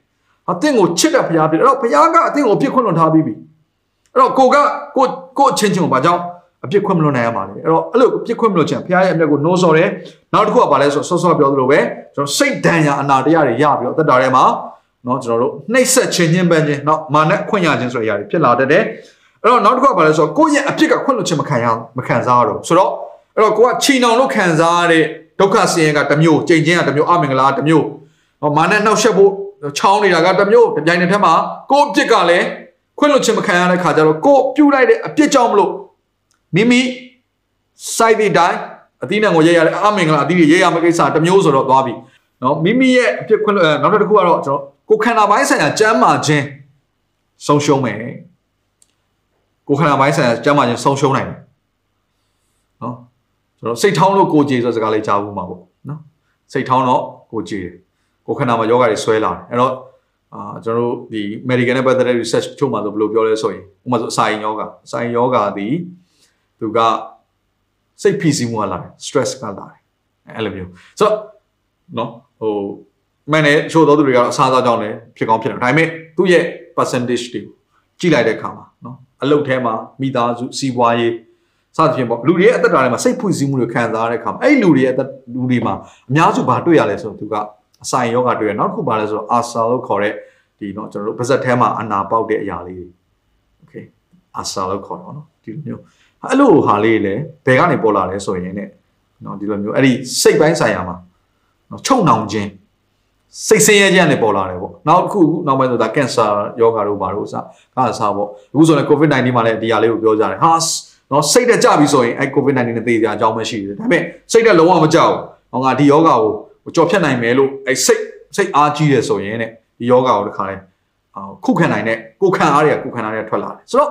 ကိုခန္ဓာရဲ့ကျမ်းမာခြင်းကကျွန်တော်တို့စိတ်ခံစားချက်နဲ့တိုက်ရိုက်သွားပြီးဆက်ဆက်နေဆိုအောင်တွေ့ရမယ်အဲ့တော့ကျမ်းစာထဲမှာလည်းပြောပြောပြောထားပြီးသားလေเนาะကျွန်တော်တို့စောစောကလည်းကျွန်တော်ဖတ်ခဲ့ပြီလေเนาะမကျမ်းမာတဲ့လူခေါ်ပြီးတော့ဆူတောင်းလို့ပြောတဲ့အခါမှာဘာလို့ရလဲအပြစ်ကိုကျွန်တော်ဝင်ချတောင်းပန်ပြီးတော့ဘုရားသခင်ရှင်မှာအပြစ်ခွင့်လို့ခြင်းကိုခံယူရတာဖြစ်တယ်နောက်ဆုံးတစ်ခုကတော့ဆူတောင်းကျွန်တော်ရဲ့ဆူတောင်းချက်တွေအဖြစ်မရတတ်ဘူးเนาะဒါစောစောကောင်းကြီးမင်္ဂလာနဲ့ပြောင်းပြန်အကုန်လုံးကျွန်တော်ရဲ့အသက်တာထဲမှာဖြစ်လာတယ်ဆိုတော့ကျွန်တော်တွေ့ရပါတယ်အဲ့တော့နောက်ဆုံးအနေနဲ့ကျွန်တော်တို့ဒီခွင့်လွှတ်ခြင်းနဲ့ဆိုင်တဲ့အရာပေါ့နော်ခွင့်လွှတ်ခြင်းနဲ့ဆိုင်တဲ့အရာကို အစီတာဖြစ်စေတဲ့ကျွန်တော်တို့ဘာကြောင့်ခွင့်မလွှတ်နိုင်ရတာအစီတာဖြစ်စေတဲ့အရာလေးအချို့ကိုကျွန်တော် list လုပ်ပြီးပြောချင်ပါတယ်စုစုပေါင်းအာ6ချက်ချက်ရှိပါတယ်เนาะဒီအရာလေးကိုကျွန်တော်ဖတ်ချင်တယ်နံပါတ်1ချက်ကတော့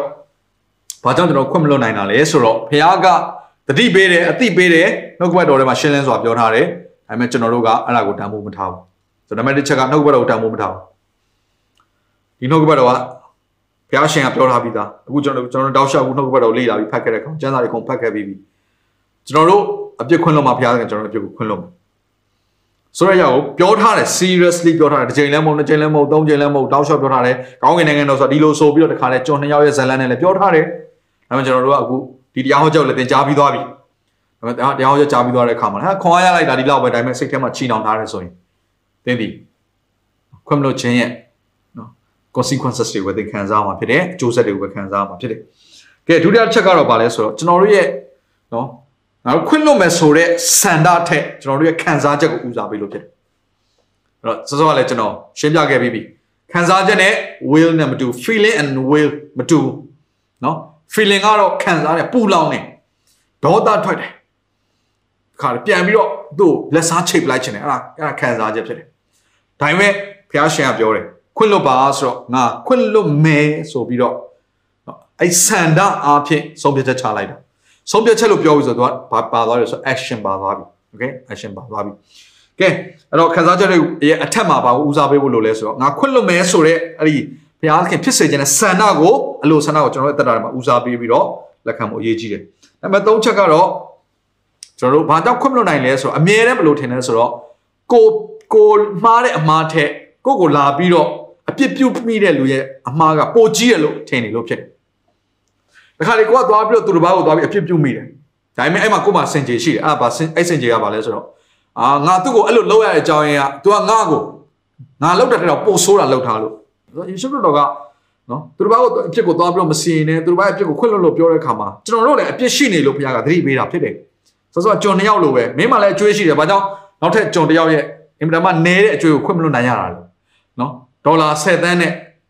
ဒေါ်လာ150နဲ့မြန်မာငွေဆိုရင်ဒါနော်အာမြန်မာငွေဆိုရင်ဒေါ်လာ150ဆိုတာက2သိန်းငွေချင်း2သိန်းပဲရှိတယ်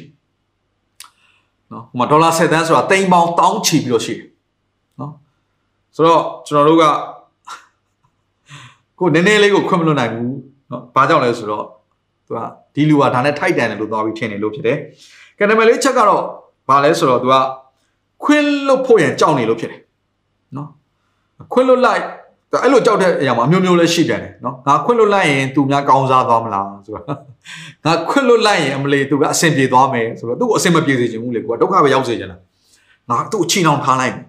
အေးငါသူ့ကိုတခါတည်းငါဒီလိုလှုပ်ထားလိုက်မယ်ဒါဆိုရင်တော့ तू ကဟာတိတ်နှုံနှုံနဲ့ခံစားတယ်ငါသူ့ကိုဒီလိုခွင့်ရမပေးဘူးဒါဆိုတော့ तू ငါစောင့်ကြည့်နေမယ် तू ဒုက္ခရောက်သွားမယ် အဲအဲ့လိုမျိုးဒုက္ခရောက်မယ်ထင်ပြီးစောင့်ကြည့်ငါနေအဲ့တယောက်ကကိုယ့်ထက်ပိုကောင်းစားသွားရင်အမလေးဒီမှာခံစားပြီးပူလောင်ပြီးပူလောင်နော်ခွင့်မလွတ်နိုင်ခြင်းကလာပြီအမြစ်ကဆွဲပြီးတော့ခါတော့ပင်မြစ်ကဆွဲပြီးတော့တခါတည်းပြန်ဆွဲနှုတ်လို့မရတော့ဆိုတော့အချိန်ကြာတဲ့အခါမှာတကူလုံးကိုအသက်တာတစ်ခုလုံးကိုကဏ္ဍသတိကိုပြန့်နှံ့သွားတယ်တကယ်တော့အမှန်တော့သူနဲ့ကိုယ်နဲ့ပဲပြဿနာဖြစ်တယ်ကိုကသူ့ကိုခွင့်မလွတ်နိုင်တာလေးတစ်ခုပဲဒါပေမဲ့အဲ့ပြဿနာကသူကမိသားစုတွေကိုလည်းသွားပြီး affect အသင်းတော်တွေကို affect သွားဖြစ်တယ်ကိုစီးပွားရေးလုပ်ငန်းထဲမှာလည်းပြဿနာကြီးကြုံတွေ့ရတယ်ဘာကြောင့်လဲဆိုတော့အခုဆိုပါစို့ကျွန်တော်တို့စီးပွားရေးတစ်ခုလုပ်တော့မယ် အဲကျွန်တော် customer နဲ့စကားပြောတာအဲ့ချိန်မှာအဲ့ချိန်မတိုင်ခင်လေးမှာပဲကိုကအာ Facebook လေးကြည့်လိုက်တယ်ဆိုပါစို့ခဏလောက်ကြည့်လိုက်ရင်ကနေပြီးတော့မတော်တဆနော်ကိုက unfriend လည်းလုပ်ထားပြီးသားပဲဒါပေမဲ့လည်း block လည်းလုပ်ထားပြီးသားပဲ okay ဒါပေမဲ့လည်းမတော်တဆကိုတငယ်ချင်းက share လိုက်လို့နော် post ချို share လိုက်ကိုကတွေ့မိသွားတဲ့အချိန်မှာအမလီသူ့ရဲ့ကောင်းစားခြင်းတွေကိုတွေ့ရမယ် ကိုမဖြစ်စေချင်တဲ့အရာတွေသူ့ရဲ့တက်တာထဲမှာဖြစ်နေတဲ့အရာကို Facebook ကတစ်စင်တွေ့လိုက်ရအောင်တစ်ပါဖြစ်တာပူလောင်ပြီးဒေါသထွက်ပြီးဩတခါလေဘာကြောင့်ဖြစ်နေခေါင်းထဲမှာတခါလေဘလောင်ဆူနေပြီအဲ့အချိန်မှာ customer နဲ့ service စကားပြောရတော့မယ် meeting ထိုင်ရတော့မယ်တင်းခေါင်းထဲမှာဘာပဲရှိနေလဲအဆင်မပြေခြင်းတွေရှိနေဒေါသတွေရှိနေပြီဆိုတော့တင်းရဲ့အလုပ်ကိုသွားပြီးတော့ထိခိုက်ပြီအဲ့လိုအတင်းရဲ့ကလေးတွေစကားပြောတဲ့အချိန်မှာတင်းဒေါသထွက်နေတဲ့အတွေးခေါ်မျက်လုံးထဲမှာတင်းခွင့်မလွတ်နိုင်တဲ့လူရဲ့လူရဲ့အဲပြောတဲ့စကားတွေကိုကြားရောက်နေမယ်သူ့ရဲ့မျက်နှာကိုမြင်အောင်နေမယ်အဲ့အချိန်မှာကလေးတွေကကိုသားသမီးကကိုလာပြီးတော့စကားပြောမယ်ဟာကိုသားသမီးကိုစူမိတာမျိုးဖြစ်နိုင်တယ် ကိုစနီးတဲ့အဆင်မပြေတာမျိုးဖြစ်နေတယ်ဘယ်ကနေလာလဲခွင့်မလွတ်လိုက်ဒီနှလုံးသားတွေကဖြစ်နေတဲ့ပြဿနာအဲ့ feeling ကြီးကနေပြီးတော့တခါလဲကိုယ့်ရဲ့အတ္တတစ်ခုလုံးကိုဆဲလို့ပြန့်နှံ့သွားတာဖြစ်တယ်ဒါကြောင့်မလို့သင်ဟာနော်ကြောက်မနေနဲ့ခွင့်မလွတ်နိုင်ခြင်းကပဲကြောက်စရာကောင်းတာခွင့်လွတ်ခြင်းကတင့်အတွက်ကောင်းကြီးပဲဖြစ်စေတာကျွန်တော်ပြောခွင့်လွတ်လိုက်ရင်အဲ့စပြီးခွင့်လွတ်တဲ့လူကအရင်ဆုံးကောင်းကြီးခံစားရတာဖြစ်တယ်ဟာလေလုယာကဲအဲ့တော့နံပါတ်5အချက်ကတော့နော်ဘာကြောင့်ကျွန်တော်တို့တစ်ခါတည်းမှာခွင့်မလွတ်နိုင်တာလဲဆိုတော့ခွင့်လွတ်ပြီးပြီလို့ ကိုယ့်ကိုထင်နေလို့ဖြစ်တယ်ယူဆလိုက်တာမမှန်တော့သူကမေ့ပြောက်ဖို့ကြိုးစားနေတာတကယ်တမ်းစစ်ကြည့်လိုက်မယ်ဆိုရင်မရအောင်အတွင်းထဲမှာဟိုတောင်လေးမှာရှိတယ်သူမတိုက်ဆိုင်သေးလို့မကြုံကြိုက်သေးလို့အဲအကြောင်းအရာစုံတစ်ခုကြုံကြိုက်လာပြီဆိုအဲ့မှာစပြီးတော့အိမ်မီဘွားဆလာပြီခွင့်မလွတ်နိုင်ဘူးစပြီးပို့ပြီးတော့ဆိုးတဲ့ခံစားချက်ကြီးကပို့ပြီးတော့ပေါ်လာတတ်ပြီအဲ့တော့ကျွန်တော်ကကျွန်တော်တို့ကခွင့်လွတ်တယ်ဆိုရင်တကယ်ခွင့်လွတ်ဖို့လိုတယ်ဒါကြောင့်လည်းခရစ်တော်ဘာပြောလဲစိတ်နှလုံးပါလျက်ခွင့်လွတ်ပါ စိတ်နှလုံးပါတကယ်အတွင်းထဲကနေရှင်းနေဖို့လိုတယ်ရှင်းနေဖို့လိုတယ်အဆုံးထိတခါလေငါငါသူ့ကိုခွင့်လွတ်တယ်နော်အဲ့တော့သူ့ရဲ့အသက်တာထဲမှာဖျားရှင်ကောင်းကြီးပေးတဲ့အရာကိုငါတနေ့မြင်ရနိုင်တယ်ငါမဖြစ်စေခြင်းတဲ့အရာတွေအားလုံးငါသူ့ကိုခါလေချီတောင်ထားတဲ့အချိန်တော့ငါသူ့ကိုဒေါသထွက်တဲ့အချိန်တော့သူ့တဲ့မှာဖြစ်စေခြင်းတဲ့အရာအားလုံးမကြခင်မှာငါထက်တောင်အရှယ်ုံနဲ့ကြော်ဖြတ်ပြီးသူကဖြစ်သွားလိမ့်မယ်ဆိုရင်ငါထက်မှာဝမ်းမြောက်နိုင်မလား ။တရားခွင့်လို့ရှိရင်ဆန်းစစ်လို့ရတယ်။ Okay ။သင်ခွင့်မလို့နိုင်တဲ့လူတယောက်ရဲ့အသက်တာထဲမှာသင်ထက်ပိုပြီးကောင်းမွန်တဲ့ကောင်းကြီးမင်္ဂလာနဲ့ဘဝအသက်တာကိုရတဲ့ရာကိုသင်မြင်တဲ့အချိန်မှာသင်ဝမ်းမြောက်နိုင်တယ်။သင်ထဲမှာဘာမှပူလောင်ခြင်းဆိုတဲ့အရာမနာလိုခြင်းဆိုတဲ့အရာလောကမခံစားဘူးအဆင်ပြေတယ်ဆိုရင်အားလုံးအဆင်ပြေတယ်ဆိုရင်နော်အဲ့ဒါနဲ့ပတ်သက်ပြီးတော့နောက်ချိန်ပြင်းထန်တဲ့ခံစားချက်တစ်စုံတစ်ခုမပေါ်လာတော့ဘူးဆိုရင်အဲ့ဒါဟာအတွင်းနှလုံးသားတွေကတကယ်ခွင့်လွန်လိုက်ခြင်းဖြစ်တယ်ဆိုတော့အဲ့မှာဘုရားသခင်ရဲ့မဆာခြင်း အဲ့ဒဏ်ရာတွေကိုအနာကျက်စေခြင်းတကယ် supernatural healing ဆိုတဲ့အရာတွေဘုရားကလှုပ်ဆောင်ပေးတဲ့အတွက်ကြောင့်မလို့ကျွန်တော်တို့ခွင့်လွှတ်နိုင်တာဖြစ်တယ်အဲကြောင့်လို့ဘုရားရှင်ရဲ့နောက်တစ်ခုအစွမ်းတတ္တိတစ်ခုကပါလဲဆိုတော့သူကကျွန်တော်တို့ကိုခွင့်လွှတ်တဲ့ခါမှာလေဘုရားရှင်ဒီကျမ်းစာတစ်ပိုင်းမှာဘယ်လိုပြောလဲဆိုရင်နော်သူကကျွန်တော်တို့ရဲ့အပြစ်ကိုနော်ခွင့်လွှတ်ရုံနဲ့မကဘူးတဲ့သူကနော် forgive တခုလည်းမက forget တယ်သူကမေ့ကိုမေ့ပလိုက်တာ okay ငါမှတ်မထားတော့ဘူးတဲ့ဖြတ်ပလိုက်တယ်တဲ့ erase လုံးဝဖြတ်ပလိုက်တယ်သူသိကိုမသိတော့ဘူးအဲ့လောက်ထိအဲ့လောက်ထိဘုရားကခွင့်လွှတ်တယ်ဆိုရင် နော်ကျွန်တော်တို့ကလူတွေကကြာခွင့်လွှတ်တယ်ဆိုရင်မဲ့သူကနော်သူကမှတ်ထားတာခွင့်လွှတ်တယ် I forgive you but I will always no uh, remember this I will never forget အမျိုးအဲ့တော့ကျွန်တော်တို့ motivational speaker တွေပြောတဲ့အရာလည်းရှိတယ် forgive them but never forget them သူတို့ကိုခွင့်လွှတ်လိုက်ပါတယ်ဒါပေမဲ့မှတ်မှတ်တော့မှတ်ထားတယ်နော်အကောင်လုံးမေးပလိုက်မမေးပလိုက်နဲ့ဒါဆိုရင်နော်မင်းတို့သင်ခန်းစာတွေအများကြီးရမယ်ဟာ ကျွန်တော်အဲ့တော့တဲ့ခါမှာအရင်အာမင်းထူတဲ့လူတွေအများကြီးရှိနိုင်တယ်နော်နော်ခွန်အားရတဲ့လူတွေအများကြီးရှိနိုင်တယ်တခါတည်းအဲ့လိုအစုံမိတ်တွေကိုမှတ်ထားပြီးတော့တခါတည်းကျင့်သုံးတဲ့လူတွေရှိနိုင်တယ်ဟောကျမ်းစာကျတော့အဲ့လို forgive လို့ပြောရင်သူက forget ပါပါလာပြီးသားဖြစ်တယ်ကျွန်တော်အဖေအဲ့တော့ကျွန်တော်တို့လူသားတွေအနေနဲ့လှုပ်ချက်ဒီကိစ္စလှုပ်ဖို့လုံးဝမဖြစ်နိုင်တဲ့ကိစ္စဖြစ်တယ်ဟိုတခုတော့ရှိတာပေါ့နော်သင်ကမိတဲ့လူဆိုတော့တစ်မျိုးပေါ့နော်အမေတန်တဲ့လူဆိုတော့လေအမမမမှတ်မိတော့အဲ့ဒါလေကျေးဇူးတော်တစ်ခုပေါ့နော်ဒါပေမဲ့ဘုရားသခင် ability ဘုရားသခင်စွမ်းရည်တစ်ခုကပါလဲဆိုတော့ तू ဟာ သူက memory loss ဖြစ်တာမဟုတ်ဘူးနော်သူကညံမကောင်းတဲ့ဖျားမဟုတ်ဘူးနော်အကုန်လုံးကိုသိတဲ့အတိုင်းပဲဖျားဖြစ်တဲ့အကြောင်းလို့သူ့ရဲ့အစွမ်းတတိတစ်ခုကပါလဲဆိုတော့သူကတတိမရတော့သူသူကငါဒါအားလုံးကိုဖယ်လိုက်မယ်လို့ပြောနေတာဖယ်လိုက်တာဖြစ်တယ်နော်သူ့ကိုယ်သူပြန်ပြီးတော့နော်ဒီရာငါငါလုံးဝမှတ်မထားတော့ဘူးဆိုတဲ့အရာကိုသူကလှုပ်ဆောင်နိုင်တယ်ဖျားဖြစ်တဲ့အကြောင်းလို့လည်းဒီရာကိုလှုပ်ဆောင်လို့ရတာဖြစ်တယ် not only forgive but also forget ဒါဒီအဲ့ဒါလေးကျွန်တော်ပြောတဲ့အကြောင်းကိုစံစာလေးကျွန်တော်ဖတ်လိုက်ချင်တယ်နော်အာဒီစံစာလေး ဟိုကျမ်းကျွန်တော်ရှောက်ပြောနေလို့ဖြစ်နေမှာဆိုလို့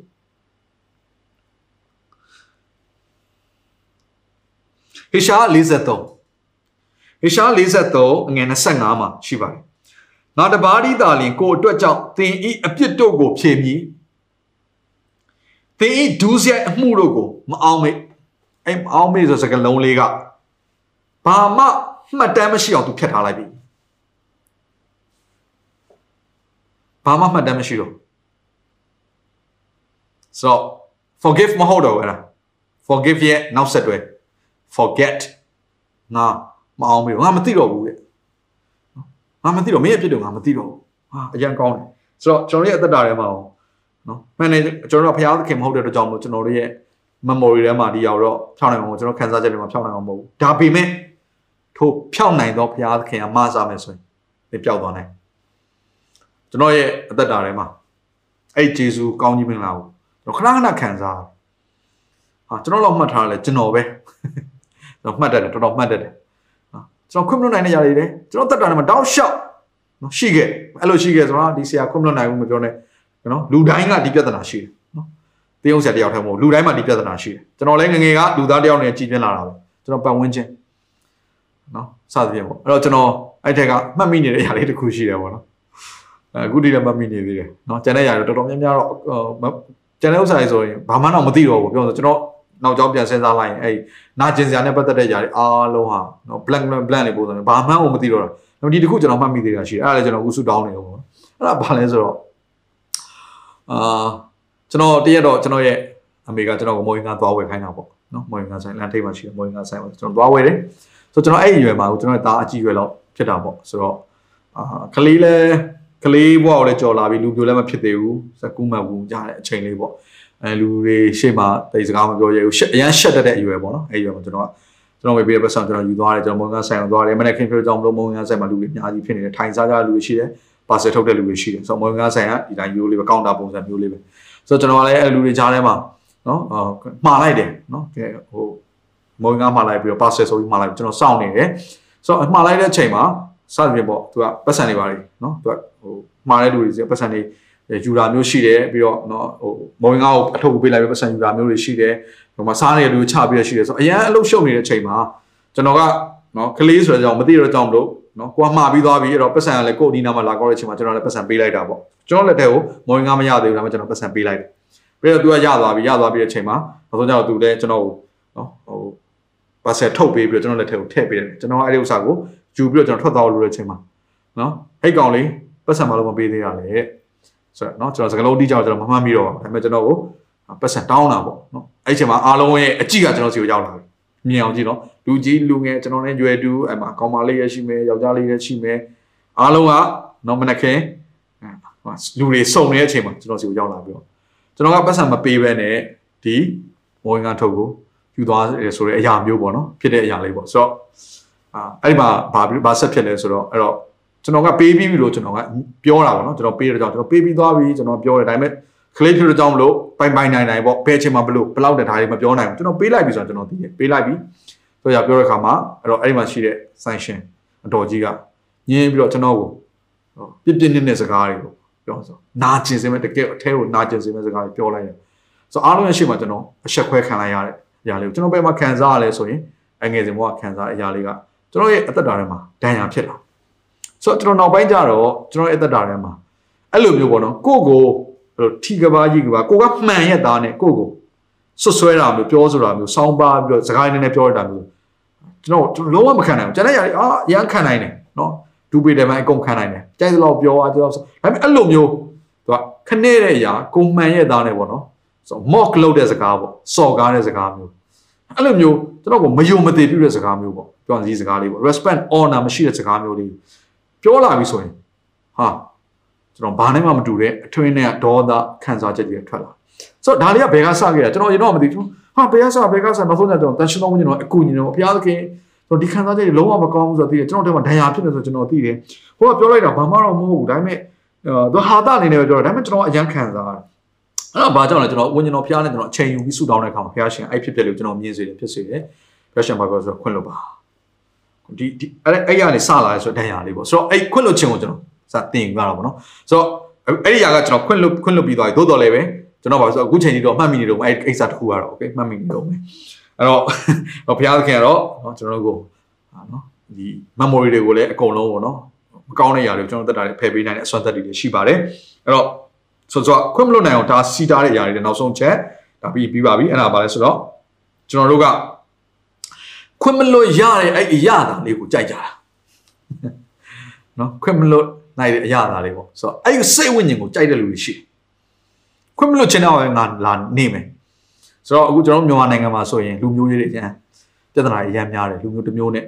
တစ်မျိုးတော့ကျွန်တော်တခြားနိုင်ငံနဲ့ဘာမှပြဿနာမရှိဘူးလူမျိုးကိုလူမျိုးကိုနိုင်ငံထဲမှာရှိလူမျိုးချင်းချင်းပြဿနာတွေဖြစ်ကြတယ်ဆိုတော့ civil war တွေကလည်းရှိတာပေါ့အရင်တမိုင်းကြောင်းတွေရဆိုရင်နော် ဘာသာရေးလည်းပါတယ်လူမျိုးရေးလည်းပါတယ်အသားရောင်ခွဲခြားမှုလည်းပါတယ်နောက်တစ်ခုကအာဂရိလိုက်စားမှုအစုံမျိုးစုံဖြစ်တဲ့ခါမှာ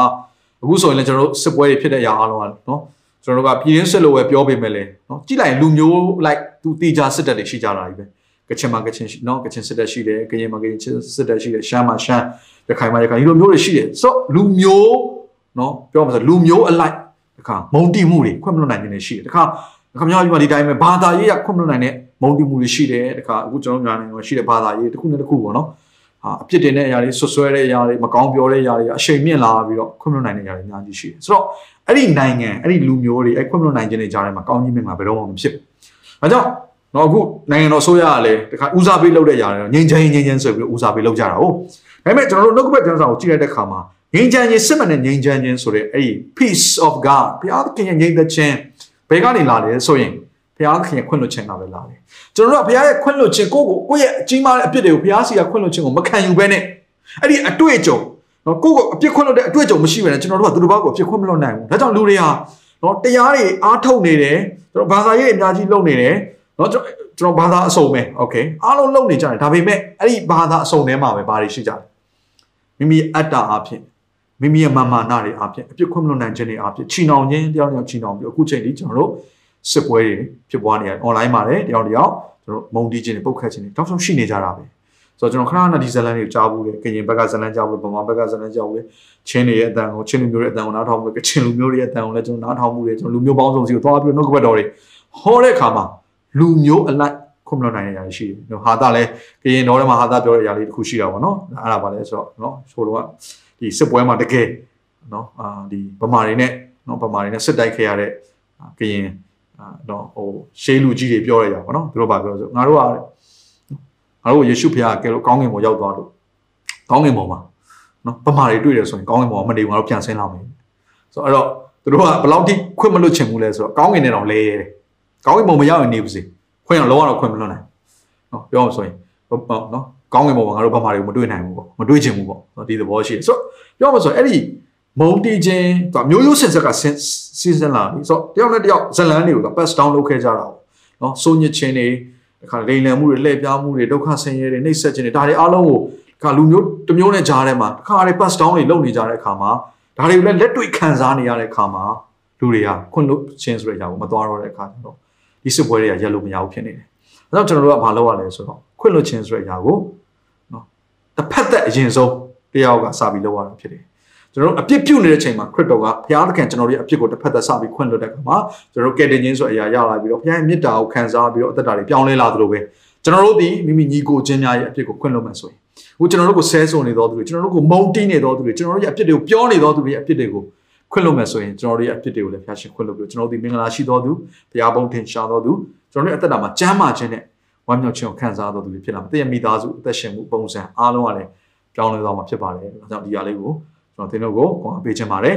မာနကိုခွင့်မပေးမိပါစေနဲ့โอเคစာရန်ကိုသင်ရဲ့တရားထဲမှာခွင့်မပေးမိပါစေနဲ့ခွင့်လွတ်ခြင်းအဖြစ်မာနကိုစီတာကြရအောင်ခွင့်လွတ်ခြင်းအဖြစ်ကောင်းကြီးမင်္ဂလာကိုကြိုဆိုရအောင်ခွင့်လွတ်ခြင်းအဖြစ်ငြိမ်းချမ်းခြင်းနဲ့စစ်မှန်တဲ့နော်ငြိမ်သက်ခြင်းငြိမ်းချမ်းခြင်းကိုကျွန်တော်တို့တိုင်းနိုင်ငံကျွန်တော်တို့လူမျိုးကျွန်တော်တို့အသင်းတော်ကျွန်တော်တို့မိသားစုသင်သက်တာထဲမှာတည်ဆောက်ရအောင်လို့ဒီဟာလေးကိုကျွန်တော်နှိုးဆော်ပြီးခွန်အားပေးခြင်းပါတယ်အရောက်တိုင်းကိုဘုရားရှင်ကျေးဇူးပြုခြင်းရှိပါစေ ဒီအစီအစဉ်လေးအပြင်တင်းရဲ့အသက်တာမှာကောင်းကြီးဖြစ်မယ်ဆိုတာကိုကျွန်တော်ယုံကြည်ပါတယ်ဗီဒီယိုကြည့်ပြီးခံယူလို့သူများအတွက်အပတ်စဉ်တရားဟောခြင်းများ Bible Study ကြီးမွန်ကိုးကွယ်ခြင်းနဲ့အခြားသောအကြောင်းအရာတွေဟာတင်းအတွက်အဆင်သင့်ရှိနေပါတယ် YouTube မှာ The City Space TV လို့ရိုက်ထည့်လိုက်တဲ့အခါကျွန်တော်တို့ကိုတွေ့ရှိမှာဖြစ်ပါတယ် subscribe လုပ်ခြင်းအပြင်သင်တဲ့ထက်ချက်မကွာအမြင်ရှိနေပါပါဒါအပြင် Facebook မှာလည်း The City ရန်ကုန်လို့ရိုက်ထည့်လိုက်တဲ့အခါသတင်းအချက်အလက်နဲ့ poster တွေကိုအချိန်နဲ့တပြေးညီတွေ့ရှိအောင်မှာဖြစ်ပါတယ်ခင်ဗျာ The City Podcast ကိုနားထောင်သူတိုင်းဖျားသခင်ရဲ့ထူကြသောဖွင့်ပြချက်နဲ့ကောင်းကြီးမင်္ဂလာများခံစားမိကြောင်းကျွန်တော်ဆုတောင်းရင်ဤစီစဉ်လေးကိုဒီမှာပဲညှိနှိုင်းပါရစေခင်ဗျာ